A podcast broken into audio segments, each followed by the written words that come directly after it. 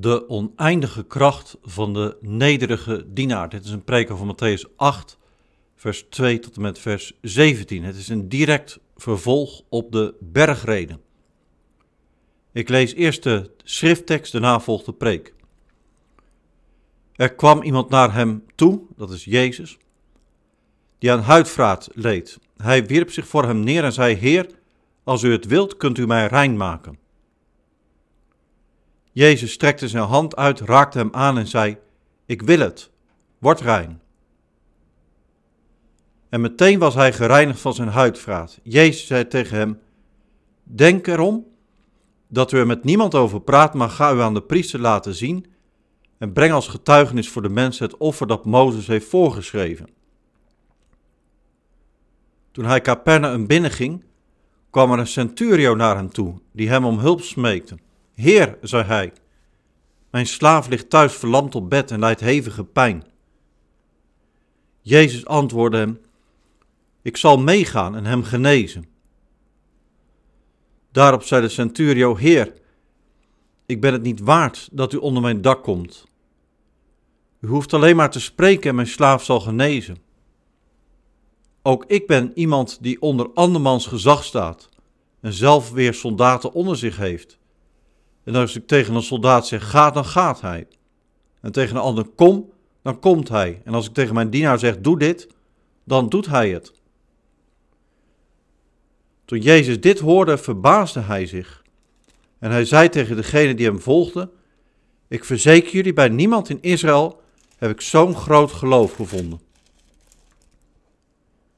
Ik zeg jullie dat velen uit het oosten en uit het westen zullen komen en met Abraham, Isaac en Jacob zullen aanliggen in het koninkrijk van de hemel, maar de erfgenamen van het koninkrijk zullen worden verbannen naar de uiterste duisternis. Daar zullen zij jammeren en knarsen tanden. Tegen de centurio zei Jezus: Ga naar huis. Zoals u het geloofd hebt, zo zal het gebeuren. Op hetzelfde moment genas zijn slaaf. Toen Jezus het huis van Petrus was binnengegaan, zag hij diens schoonmoeder met koorts in bed liggen. Hij raakte haar hand aan en de koorts verdween. Ze stond op en begon voor hem te zorgen. Bij het vallen van de avond brachten ze vele bezetenen bij hem. Met een enkel bevel dreef hij de geesten uit en alle die ziek waren genas hij. Opdat in vervulling ging wat gezegd is door de profeet Jezaja. Hij was het die onze ziekte wegnam en onze kwalen op zich heeft genomen. Tot zover het woord van God. Gemeente van de Heer, beste luisteraar, als je corona hebt, moet je in quarantaine. Je mag geen contact hebben met je huisgenoten, je familie, je collega's, je vrienden, je bent besmettelijk. Als Jezus de bergreden heeft uitgesproken, komt er iemand naar hem toe die huidvraat heeft, lepra. Een zeer besmettelijke ziekte. Had je die ziekte, dan leefde je in strikte quarantaine. Je woonde niet bij je familie, maar ergens achteraf waar de mensen geen last van je hadden. Je kon niet mee met de gelovigen naar God in de pelgrimstocht naar de tempel. Bij gebrek aan goede medicatie kon het een leven lang quarantaine betekenen. Deze zieke smeekt Jezus om genezing. Dat Jezus grote wonderen deed was in de wijde omgeving bekend. Matthäus 4 zegt dat. Jezus geneest hem. Jezus doet dat door zijn hand uit te strekken, hem aan te raken en het bevel te geven dat de man rein moet worden. De man is niet alleen beter, zijn quarantaine is voorbij. Hij kan gaan leven, meedoen met zijn familie, met zijn medegelovigen. Hij kan naar de tempel van God. Jezus stuurt hem daar naartoe om God te danken, om een offer te brengen. Direct daarna vertelt Matthäus, komt er iemand naar Jezus toe die op een andere manier in quarantaine leeft. Dat wil zeggen, hij is een overste in het Romeinse leger. En in die zin is hij net zo goed als die man met huidvraat een buitenstaander. Niet omdat hij ziek is, maar omdat hij een heiden is. Ook al heeft hij ontzag voor God, Lucas vertelt dat, hij hoort niet bij Gods volk. Hij kan niet met hem meedoen in hun leven, in hun godsdienst. Moet je maar eens lezen in Matthäus 15, vers 21 en verder, over het verschil tussen Joden en niet-Joden. Net als de zieke met huidvraat spreekt deze legeroverste Jezus aan met Heer.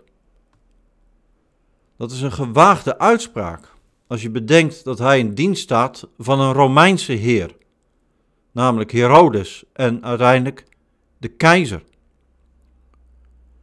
De overste erkent Jezus gezag, zijn macht. Hij zegt, zoals hij zelf soldaten onder zich heeft die handelen op zijn commando, zo zal hij vertrouwen op Jezus' commando, op zijn woord van genezing. Jezus spreekt een woord en de slaaf van deze legeroverste geneest. Maar net als bij de man met huidvraat is het wonder bij deze legeroverste groter dan de genezing alleen. Dat hoor je aan wat Jezus zegt.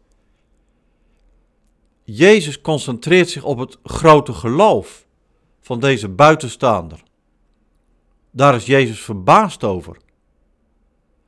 Voordat Jezus geneest, zegt hij eerst iets over dat grote geloof.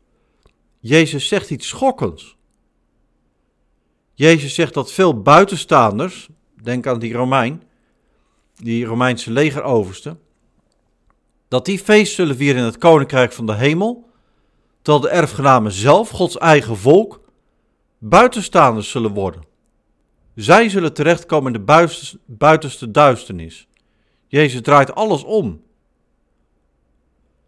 Deze woorden zijn een belofte en een waarschuwing om Hem, Jezus, serieus te nemen en niet alleen onder de indruk van Hem te zijn. Direct daarna beschrijft Matthäus nog een genezing. De schoonmoeder van Petrus geneest omdat Jezus haar aanraakt. En Jezus geneest mensen die bezeten zijn door slechte geesten. Ze worden, net als die man met huidvraat, beter vanwege een enkel woord van Jezus. Gemeente luisteraar, deze indrukwekkende gebeurtenissen moeten gezien worden met als achtergrond de bergreden, waar Matthäus net een paar hoofdstukken aan heeft gewijd. De bergreden eindigt ermee, ik heb daar vorige keer over gepreekt, dat de mensen perplex zijn, omdat Jezus leert met gezag, met macht. Matthäus 27, Matthäus 7, vers 28 en 29. En het is mooi dat je onder de indruk bent van Jezus. Maar erken je Hem ook? Ga je in Hem geloven? Dit vervolg Matthäus 8 laat zien wat er gebeurt als mensen dat doen. Die zieke man erkent Jezus gezag en hij kan zijn leven oppakken. De machtige legeroverste erkent Jezus gezag en hij hoort ineens bij het hemelse koninkrijk en zijn slaaf geneest. Ziekte en demonen verdwijnen als ze onder Jezus gezag worden gebracht. Het gezag van Jezus, zijn macht, maakt een eind aan alle ellende, geeft leven, geneest, herschept. Kijk, gemeente en luisteraar, hoe Jezus optreedt. Ezekiel had geprofiteerd dat God zelf herder wilde zijn van zijn volk. En hij zegt er iets bijzonders bij. Ezekiel 34 zegt dat God herder wil zijn te midden van zijn volk. Dus niet ergens van bovenaf, vanaf de hemel of waar dan ook maar, maar te midden van zijn volk. Dat doet God in Jezus. Het valt op in dit stukje. Er staat verschillende keren dat Jezus de mensen aanraakt. Dat valt extra op, omdat blijkt dat Jezus genoeg heeft aan een woord, aan een bevel. En toch raakt hij de mensen aan. Zo dichtbij is God in Jezus gekomen. Hij pakt de zieken vast. Pas op, Jezus. Dan word je zelf ook onrein. Ja, zo was het geloof toen. Lees Matthäus 15. Alles wat je aanraakt, dat maakt je onrein. Maar Jezus doet het. En Jezus wil meegaan naar het huis van die heiden. Die legeroverste. Niet doen, Jezus. Want als je met zo iemand omgaat, een buitenstaander, een heiden, dan hoor jij straks ook niet meer bij Gods volk. Maar Jezus wil het. En zo worden mensen genezen. Zo komen ze uit een isolatie. Mogen ze deel uitmaken van het geluk van Gods koninkrijk, dankzij Jezus. Als Matthäus hierover nadenkt, hierover mediteert, dan schiet hem het woord van Jezaja te binnen. Jezaja 53 staat in Matthäus 8, vers 17. Hij nam onze ziekte weg en hij heeft onze kwalen op zich genomen. Een bijzonder woord. Want ja, de ziekten zijn weg, maar hoe neemt Jezus dan die kwalen op zich, zoals Jezaja zegt? Er staat bijvoorbeeld niet dat als Jezus iemand geneest die huidvraat heeft, dat Jezus dan die huidvraat zelf krijgt.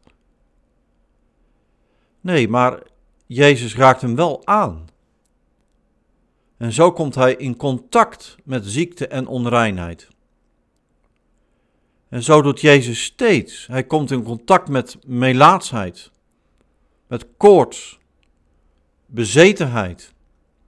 Hij gaat om met zondige mensen, met zonde en de gevolgen ervan.